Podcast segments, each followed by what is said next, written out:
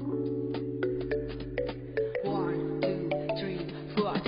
Ada Dita Widya, Ameraldena, Tari dan Reza. Bakal nemenin lo setiap hari Sabtu Ngebahas tentang seputar kampus. Sharing tema tentang mahasiswa Lifestyle, habit, story inspiratif. Tentunya hanya ada di Ngambis Ngobrol sambat bareng akademis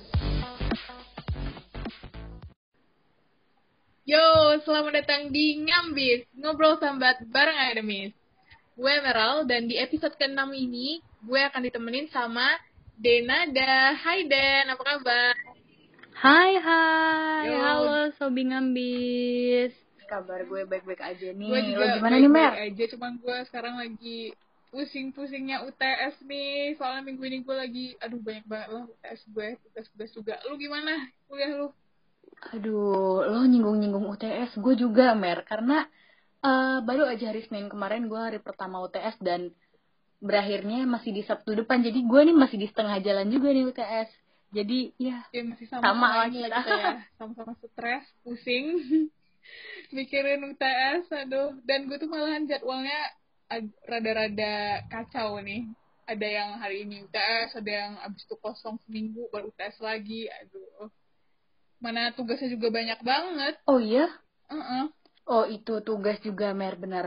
Ini walaupun UTS ya, bahkan kemarin waktu mau deket-deket UTS aja gue masih dikasih tugas yang itu harusnya di- bisa dipakai untuk kita eh waktu tenang gak sih kalau di SMA ada istilahnya kalau misalkan mau ada ujian tengah semester, ada ujian akhir semester pasti ada dong kayak tenang. Tapi di kuliah ini kok gue malah nggak ada sebenarnya gitu. ada. Di kalender akademiknya tuh ada sebenarnya. Minggu tenang. Tapi ya ampun review bacaan menanti iya. Pelaksanaannya. UTS jalan tugas nggak berhenti bu. Tugas juga lancar jaya nih jalan. Makanya kok kayaknya mereka sama-sama mau bikin kita semakin iya betul. pusing ya, Mer ya. ngomong-ngomong soal ini ya ternyata tuh eh, kuliah realitas sama ekspektasi dulu tuh beda gitu ya Dan ya Bener Mer, aduh ini kalau ngomongin ekspektasi yang dulu berarti gue harus flashback flashback nih karena gue banyak dibohongin sama ekspektasi dulu. ekspektasi. ngebayangin bayangin yang indah-indah ternyata lupa Iya. ternyata realitanya tapi tapi sebelumnya eh, kalau misalnya kita bahas lebih jauh lagi tentang kuliah emangnya kita belum kenalan nih sebelumnya jurusan apa sih lu Den? Gue eh, saat ini di jurusan Sains Komunikasi dan Pengembangan Masyarakat Institut Pertanian Bogor. itu mohon maaf anda soskum apa saintek ibu sains Mm-mm. tapi komunikasi pengembangan masyarakat gimana nih agak-agak ambigu Aduh itu nanti nanti gue kasih tahu deh Oke. ke belakangan Mer. Lo jawab dulu nih pertanyaan gue biar kita Oke, saling kenal nih. Lo di jurusan apa nih sekarang? internasional di UGM sekarang juga sama kayak lu udah semester lima udah otw eh, pusing-pusing skripsi ibu Berarti ini kita mau dibilang tingkat akhir Oke. juga belum, tapi mau dibilang maba juga udah nggak bisa lagi ya. Ini biasanya nih masa-masa yang ibaratnya kalau dengan judul Eh. podcast sebelumnya itu ada yang namanya quarter life crisis. betul. Nah kita udah Iya, mulai menuju masa-masa itu nggak sih Mer? di tahap itu sekarang ya sedang menguji Aduh. Kesiapan mental dan kekuatan bertahan. Nah gini Den gue tuh pengen nanya kayak Gimana tuh sekarang gimana? kan juga lagi tahun ajaran baru kan? Dan ya udah nih mahasiswa-mahasiswa baru nih? Kira-kira jurusan yang lu yang sekarang ini lu jalanin SKPM ini apakah itu sesuai dengan keinginan lu yang awal? Oke. Aduh, rada flashback berarti nih ya. Jadi eh, sebenarnya untuk eh, SKPM ini emang dari kemauan gue sih. Eh, gue juga kan dulu lolos tuh puji Tuhan gue di SNMPTN. Jadi emang dan pilihan pertama nih si SKPM. Jadi memang ini udah jadi pilihan gue dari awal dari semester akhir SMA sih sebenarnya kayak wah gue kayaknya cocok nih di SKPM karena selama satu tahun terakhir di SMA gue udah nyoba nyari-nyari gue kira-kira mau ke mana ya? Karena dulu tuh cita-cita gue ya pengennya tuh di dokter kedokteran gitu kan. Cuma pas udah realita di SMA gue jalanin itu kok kayaknya berat. Jadi gue uh, coba cari passion lain uh, kesukaan gue yang lain dan akhirnya gue milih yang berhubungan dengan berarti lu SKPM. SMA tuh Gitu sih, Mer. research. Nah, iya bener tuh. Karena karena gue ngerasa aduh gue mau ke mana? gitu. Jadi daripada gue nanti kepepet waktu gitu kan dan lagi dapat kesempatan untuk SNMPTN jadi gue langsung coba cari. Kalau iya, lo sendiri gimana Mer? sama kayak lu gue uh, untungnya gue dapet kan dan pilih uh, jurusan gue yang sekarang HI ini adalah pilihan Mhm. pertama gue dulu tuh gue anak IPS kan. Uh, jadi kayak pasti gue mikirnya ngambil yang inilah yang soshum soshum nah itu gue pilihan pertama ngambil sebenarnya uh, Hmm, hmm, gue hmm. memilih HI itu gue malah kayak ngambil HI itu kayak tertariknya itu dari SMP gitu loh dan gila entah terlalu ambis atau gimana iya. Wow, udah lebih Enggak, dari itu SMP awalnya ya.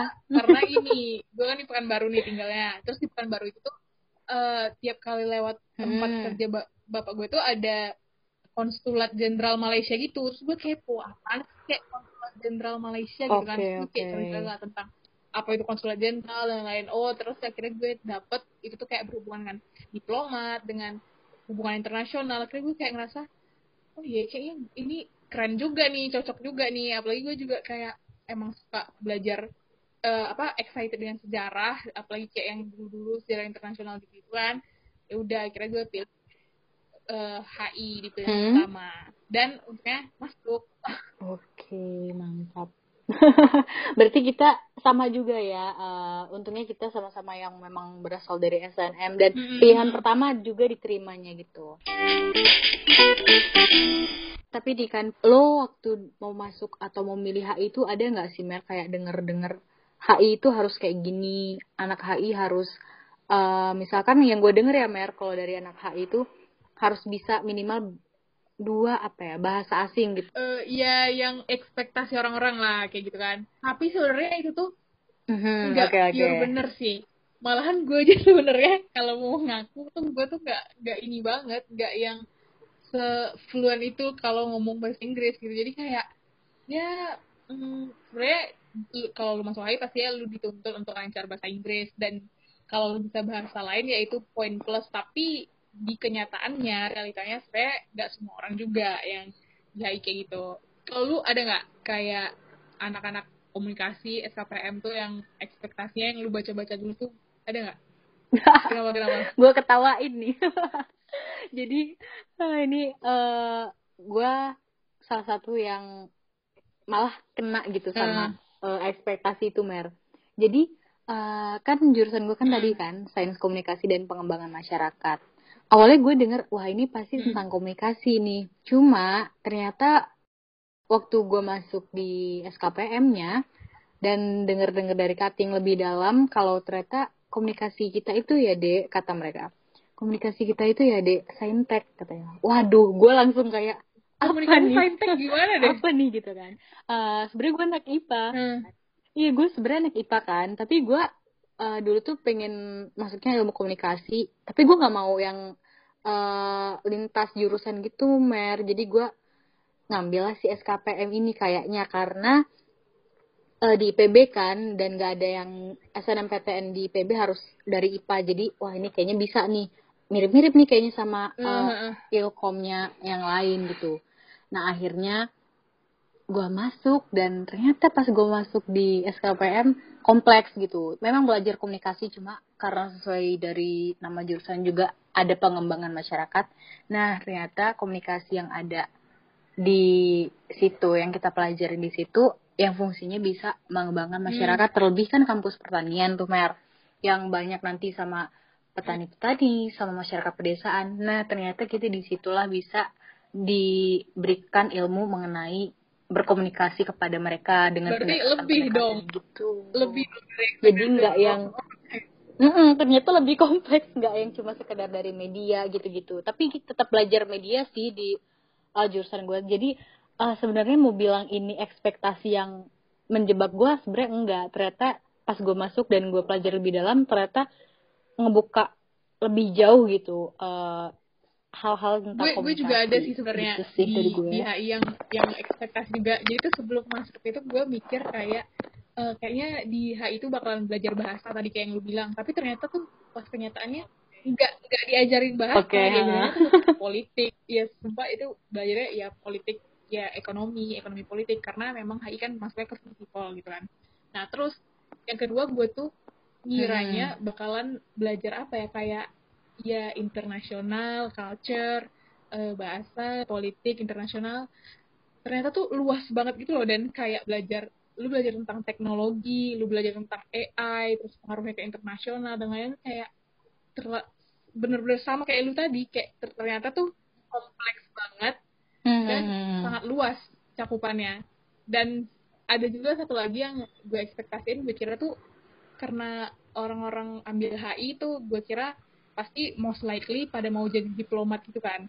Jadi gue gue, gue mikirnya bakal Oke, oke, kayak gue dia bakal diajarin yang table manner gue dia bakalan diajarin cara pakai pisau dan eh bener-bener gimana eh, cara mungkin kehidupan di suatu negara gitu kan? Karena kan lo berhubungan dengan eh, Iya, negara-negara iya. lain juga gitu kan?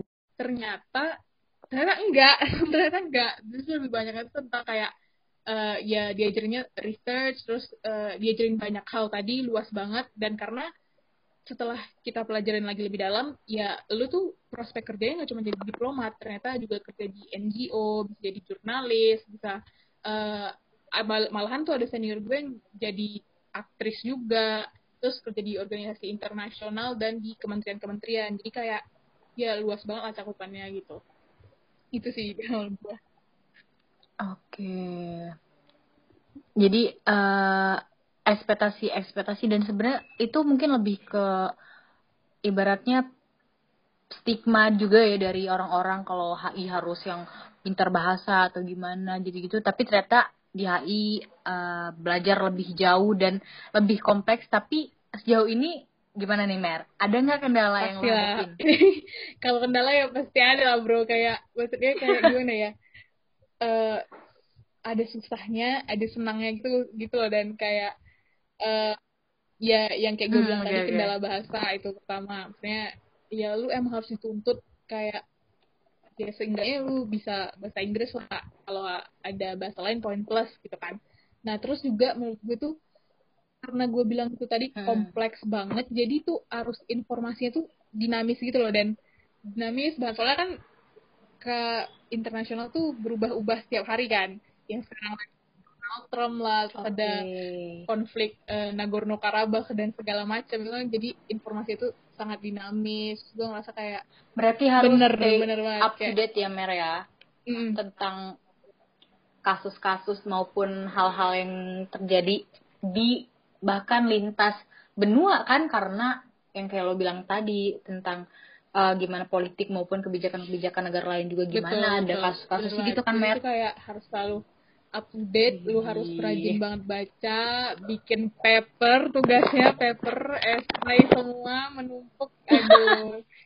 Sama cuy dan sama. dan juga menurut gua ini yang gua rasain banget waktu masuk pertama kali semester satu itu teman-temannya pada pinter-pinter semua anjir. Gua tuh ngerasa kayak I can compete with them. Aduh ini kayaknya kita sama deh. Mana mana mana juga gua ini kan kayak dari dari Sumatera dari Pekanbaru Jawa Hmm, aduh fix fix. Ini jangan-jangan lo adalah gue nih mer. Ya, lu gue juga dari Sumatera juga kan kayak lo ketemu orang Jawa yang Iya, di benar-benar. kampusnya itu emang banyak banget orangnya dari mana-mana kan Jadi kayak wah gila orang-orang tuh beragam banget ya ternyata terus juga pinter-pinter banget ternyata lu lu gimana cerita lu dan tentang kendala-kendala ini ada nggak Aduh. Sebenarnya nggak jauh beda kayak lo tadi Mer. Pertama kayak gue juga dari Sumatera gitu kan. Dan merantau di eh, kampus luar pulau dan itu cukup yang ternama lagi kan. Dan pada saat gue masuk, gue juga sempat tuh kayak ngeliat dan dapat teman-teman yang pola pikirnya lebih luas, yang nggak cuma memandang sesuatu dari satu sudut pandang dan gue di situ benar-benar kayak wow IPB salah nih bener. ngambil gue karena kan gue SNM juga kan kepikir nggak sih Mer kayak aduh kayaknya bukan gue yang salah pilih jurusan. Tapi jangan-jangan IPB nih yang salah Iya, bener, jadi gue bener-bener jadi gue ya. kayak kayak ngerasa aduh tapi enggak enggak ternyata karena mungkin masih awal juga gitu kan. Jadi wajar sih waktu gue tanya teman-teman gue yang lain juga eh gue juga ngerasa gitu. Eh, ngeliat teman-teman yang lain jadi rada minder karena dia pinter banget gitu kan karena beda tapi ternyata gue nggak sendirian gitu Hmm, sih. kayak ya itu sih kalau di gua ya yang bener-bener paling bikin down banget itu adalah ngelihat orang-orang aduh gila semuanya pada high skill gitu loh pada aduh terlalu cerdas terlalu jenius jadi kayak gitulah. Berarti mirip-mirip lah ya Mer. Apalagi kayak orang merantau. Nah ini ngomongin merantau udah pernah sih disinggung di podcast sebelumnya. Ya jadi buat sobi ngambis yang mau denger tentang merantau harus dengerin di podcast yang pernah dibahas sama siapa tuh kemarin ya. Pokoknya Iya, lihat iya. aja deh ya. Biar gimana cara beradaptasi gitu kan ya. Biar nggak kayak kita lah ya. Hmm, nggak down-down banget gitu. Nggak ngalamin. Insecure di awal perkuliahan. Oke tuh tadi kan udah ngomongin kan Mer tentang kendala-kendala yang lo dan gue alamin di jurusan yang kita ambil. Nah ini nih sebenarnya kayak inti sih bahkan gue rasa orang-orang juga sempat ngerasain atau bahkan mungkin Hmm, sedang merasakan nih. Pernah nggak lo Mer ngerasa salah jurusan? aduh Boom. ini bakal gue jawab pernah banget sumpah gue kayak Pernah banget. eh, Atau sedang? Enggak. ada periodenya gitu loh ada periodenya kadang kadang on kadang off gitu loh kayak aduh apa sih ini dulu gitu Oke oke. tergantung situasi Tergantung situasi ya.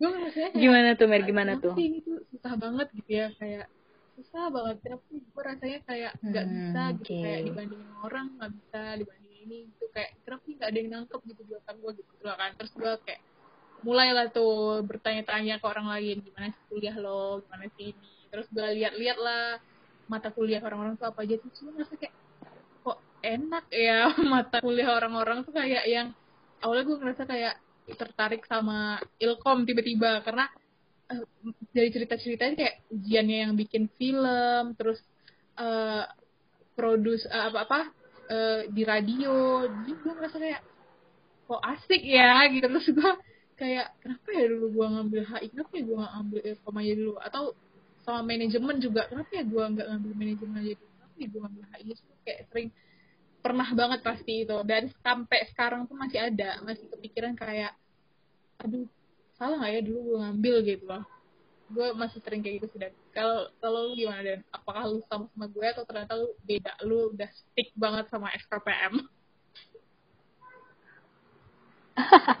Eh, kalau gue eh, pernah sih di awal-awal perkuliahan khususnya. Karena yang gue bilang tadi kan gue mikirnya gue bak- bakalan lebih ke media nih ilmu komunikasinya gitu kan. Tapi ternyata gue belajar sosiologi terlebih sosiologi kayak sosiologi pedesaan bagaimana memahami eh, masyarakat masyarakat di pedesaan terus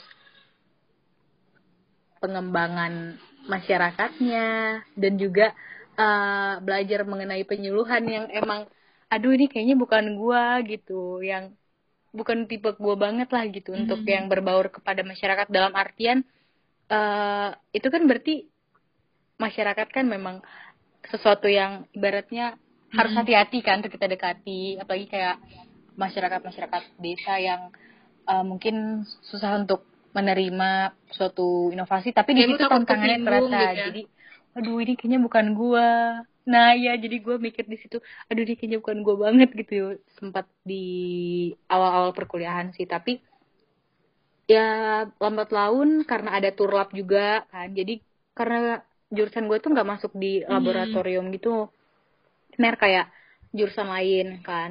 Eh, jadi kita tuh laboratoriumnya adalah masyarakat manusia-manusia itu sendiri. Jadi kalau kita turlap dari situ sih gue bisa akhirnya menerapkan menerapkan apa yang di awal gue anggap sebagai penyebab gue salah jurusan tapi ternyata bisa lah gue atasi selama empat Oh, semester lu, ke belakang eh, ini. sekarang udah mulai di tahap menerima ya. Berarti lu nggak nggak mikir lagi kayak oh gue salah sana. Berarti lu udah Iya, kayak, bener. eh, Oke ini ini emang passion gue gitu ya. Terus kalau kalau gitu karena lu berbeda nih benar. dari gue, kira-kira lu eh pasti lah ya. Maksudnya walaupun lu sekarang udah di tahap yang kayak eh, no eh, ini gue udah udah terima nih gue udah emang ngerasa cocok. Eh, pernah gak sih lu kayak ngerasa aduh jenuh juga ya ternyata di SKPM ini kayak ya pernah gak sih lu kayak jenuh sama jurusan yang udah lu pilih setelah beberapa semester yang udah lu jalanin? Terus sekarang lu ngerasanya kayak atau justru lu malah ngerasa ya itu senang baik-baik aja sebenarnya? Gimana? Oke. Sebenarnya kalau untuk masalah jenuh, uh, gue bahkan sekarang-sekarang ini juga ngerasa jenuh. Apalagi kayak kuliah dari online gitu kan. Yang kayak gue bilang tadi, harusnya turlap dan ketemu orang-orang, ketemu uh, masyarakat-masyarakat yang banyak uh, istilahnya mereka punya identitas sendiri. Jadi gue bisa belajar dari mereka. Karena sekarang pandemi dan gak ada turlap, jadi segala uh, laporan-laporan dan juga paper itu kita nggak pakai data primer gitu kita pakai studi pustaka gitu kan dari jurnal-jurnal orang lain dan gue merasa jenuhnya ketika itu sih kayak akhirnya monoton gitu harusnya gue bisa uh, ketemu masyarakat ketemu orang-orang dan bahkan ketemu temen lah gitu ya dari segi perkuliahan untuk kali ini gue mulai dan sedang merasakan fase hmm. jenuh juga gitu sih. sih. Justru sebenarnya jenuh itu karena ya on off juga sih sebenarnya jenuh itu kan. Kayak ya jenuhnya pas lagi tugas numpuk-numpuknya terus lu juga nggak bisa ngeluapin perasaan lu ke orang. Kayak lu nggak bisa ngelakuin apa yang lu sukai ketemu orang bergaul sosialisasi itu kan kita jadinya juga ya capek lah ya jenuh. Sama sih kayak gitu juga. Bener tuh Mel. Hmm, lo juga gitu ya? gitu juga. Jadi kayak kadang-kadang aja ada periode-periode tertentunya juga lah. Kayak lu kayak sekarang gini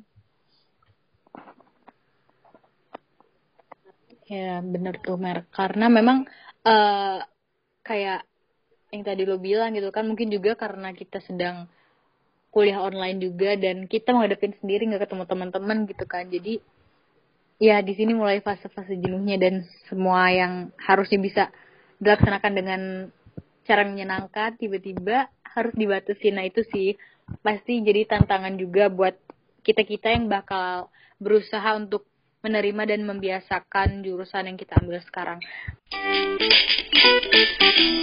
Menurut lo hal apa sih atau sesuatu apa aja yang harus dilewati untuk kita mencapai titik pada penerimaan dengan jurusan kita sekarang. Karena kan lo juga tadi kan on off juga kan masalah jenuh, salah jurusan ataupun hal-hal negatif yang bisa membuat lo down gitu. Tapi gimana sih hal-hal apa yang harus kita bisa capai dan kita lalui untuk bisa menerima jurusan yang kita jalani sekarang ini secara lapang dada dan istilahnya hmm, ikhlas dan bisa menjalani um, dengan baik. Kalau gue ya kayak yang gue bilang tadi sebenarnya uh, gue belum uh, sepenuhnya juga yang kayak ya nerima gitu gue masih kayak yang kadang-kadang suka suka down suka suka insecure masing-masing kayak gitu sih sebenarnya. Cuman ya uh, akhirnya tuh gue balik lagi ya pikirannya tuh kayak uh, gue tuh harus bisa nerima kalau gue tuh harus sadar pertama gue harus sadar kalau ya udah kayak semua orang tuh punya kelebihan punya kekurangan punya hal yang dia bisa punya hal yang nggak dia bisa dan semua orang tuh pengen jadi the best version of themselves gitu loh kayak kalau gue kan kalau gue kan okay. yang hmm. membuat gue merasa belum menerima itu karena gue insecure kan karena gue insecure gue membandingkan diri gue dari, diri gue dengan orang lain dan ya segala macam lah tapi balik lagi pemikiran awalnya kayak gitu lu tuh harus sadar apa sih yang membuat lu uh, jenuh atau nggak bisa terus kemudian lu sadari terus lu terima jadi daripada gue mengutuk-ngutuk diri gue sendiri gue banding-bandingin diri gue sama teman-teman gue yang lain mending gue kayak milih buat ya udah fokus aja sama apa yang gue lakuin gitu loh. Kayak fokus sama yang gue kerjain fokus sama hal yang bisa mengembangkan diri gue. Karena kayak gue bilang tadi semua orang tuh justru ya lagi pengen jadi the best version of themselves kan. Dan fokus perbaiki diri dan sadari kalau semua orang tuh ada di time zone-nya masing-masing gitu loh. Gue masih berpikiran kalau uh, ya kalau misalnya gue lagi down gue lagi ngerasa ini nggak cocok buat gue gue kayak ya udah kayak istirahat dulu terus gue uh, make up my mind terus ya udah gue bangkit lagi gitu sih kalau dari gue. Kalau lu gimana dan? Oke. Okay. uh, sama nih kayak gue juga karena udah pernah berarti kan gue udah pernah melewati masa-masa yang gue anggap gue salah jurusan dan untuk jenuh-jenuh kemarin yang pernah gue lewatin juga sebenarnya perlu banget yang namanya uh, kita istirahat kalau untuk jenuh tadi. Mungkin karena suatu hal yang terlalu rutinitas dan kesannya terus-terusan aja gitu. Jadi kita merasakan kalau hal itu cukup jenuh. Jadi menurut gue istirahat itu perlu. Nah tapi untuk selanjutnya uh, menurut gue bisa sih kayak kita melihat lagi nih hal positif apa sih yang bisa kita ambil dari jurusan ini? Dan juga sebenarnya jurusan ini itu seperti apa prospeknya ataupun kita coba lihat hal-hal menyenangkannya gitu sih Mer. Kayak kayak di SKPM tadi kan. Walaupun gue nggak sepenuhnya belajar media ternyata hal lain yang bisa gue dapetin adalah gimana gue bisa berinteraksi sama manusia. Apalagi manusia itu kan beda-beda gitu kan wataknya pemikirannya itu jadi tantangan gitu. Jadi menurut gue uh, selain daripada lo harus uh, stuck di suatu posisi dan kayak tadi lo bilang mengutuki bahkan kayak ngerasa aduh ini bukan gua ini salah jurusan banget parah itu menurut gue adalah dengan mencoba mencari dan ya istilahnya memberikan tantangan ke diri lo sendiri untuk cari hal positif dan hal baik yang bisa lo ambil dari jurusan itu.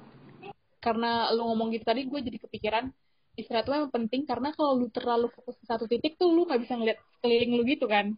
Jadi lu tuh harus harus mundur lagi, nah, tarik lagi ke belakang supaya lu bisa ngeliat view yang lebih gede gitu. Kayak ngeliat view yang lebih gede. Dan apa ya tadi tuh gue juga keinget sesuatu gitu loh. Uh, nah ini karena lu bilang inget lagi apa yang yang menyenangkan dari jurusan lo gitu kan. Kalau menurut gue lu harus inget lagi juga alasan lu dulu ngambil itu kenapa.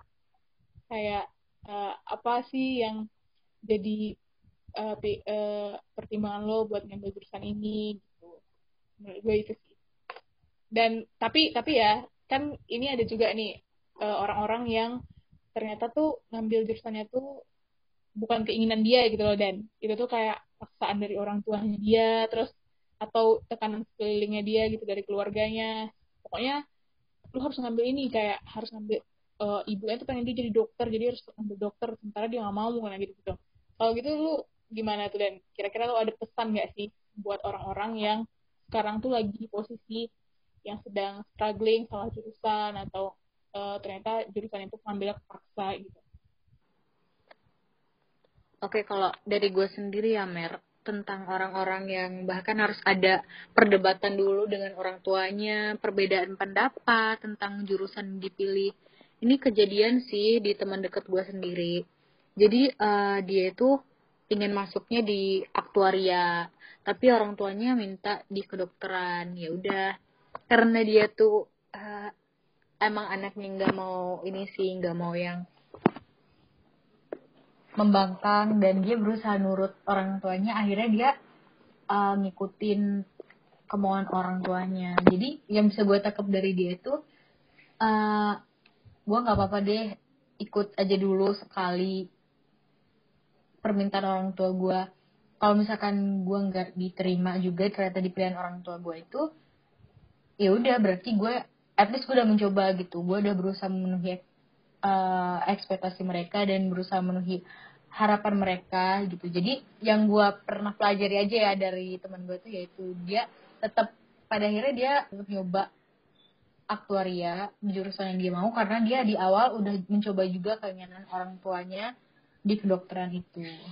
Jadi gimana ya? Kalau lu ngelihat fenomena itu gimana dan?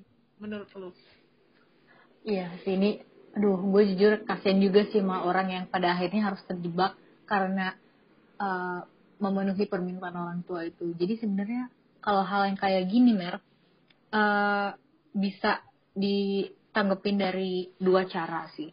Yang pertama lo beradaptasi dan berusaha menerima dan apa istilahnya kayak yang tadi sih dengan lo coba cari hal-hal positif dan hal yang baik yang bisa lo ambil dari jurusan itu walaupun lo belum menginginkannya gitu. Atau yang kedua ya udah coba lagi gitu di tahun yang akan datang. Lo coba kalau emang lo gak kuat di satu tahun di jurusan itu is okay. Menurut gue lo nggak apa-apa kalau misalkan mau menantang diri lo lagi untuk ngambil jurusan yang lo mau di tahun sebelumnya. Jadi karena lo juga udah ngikutin gitu kan udah uh, permintaan orang tua lo di perkuliahan pertama itu udah lo lakukan kalau memang lo gak bisa dan ngerasa di situ nggak akan berkembang menurut gue daripada dipaksakan ya udah coba diomongkan baik-baik orang tua untuk nyoba lagi sih tahun depan untuk membuktikan kalau memang lo pantas di jurusan yang emang lo mau gitu sih Mer. Menurut lo gimana tuh? Ya kan? Daripada yeah. harus terjebak gitu kan. Dan kalau menurut gue sesuatu hal yang dijalani tapi dengan tidak kesukaan kita pada akhirnya jadi hal yang sia-sia gitu. Nanti hal ke depannya lo nggak bisa nangkep manfaatnya nggak bisa jalannya setengah hati gitu ogah-ogahan ya. benar tuh jadi uh-huh. daripada nanti di akhir kayak di tingkat akhirnya kita malas ngerjain skripsinya karena nggak paham atau kita nggak suka dengan makul-makul nih daripada menyusahkan menurut gue dari uh, ya udah coba aja gitu di tahun berikutnya karena sesuatu yang dipaksakan nggak baik gue sih gitu sih mer karena gue udah mikir ya udah gitu.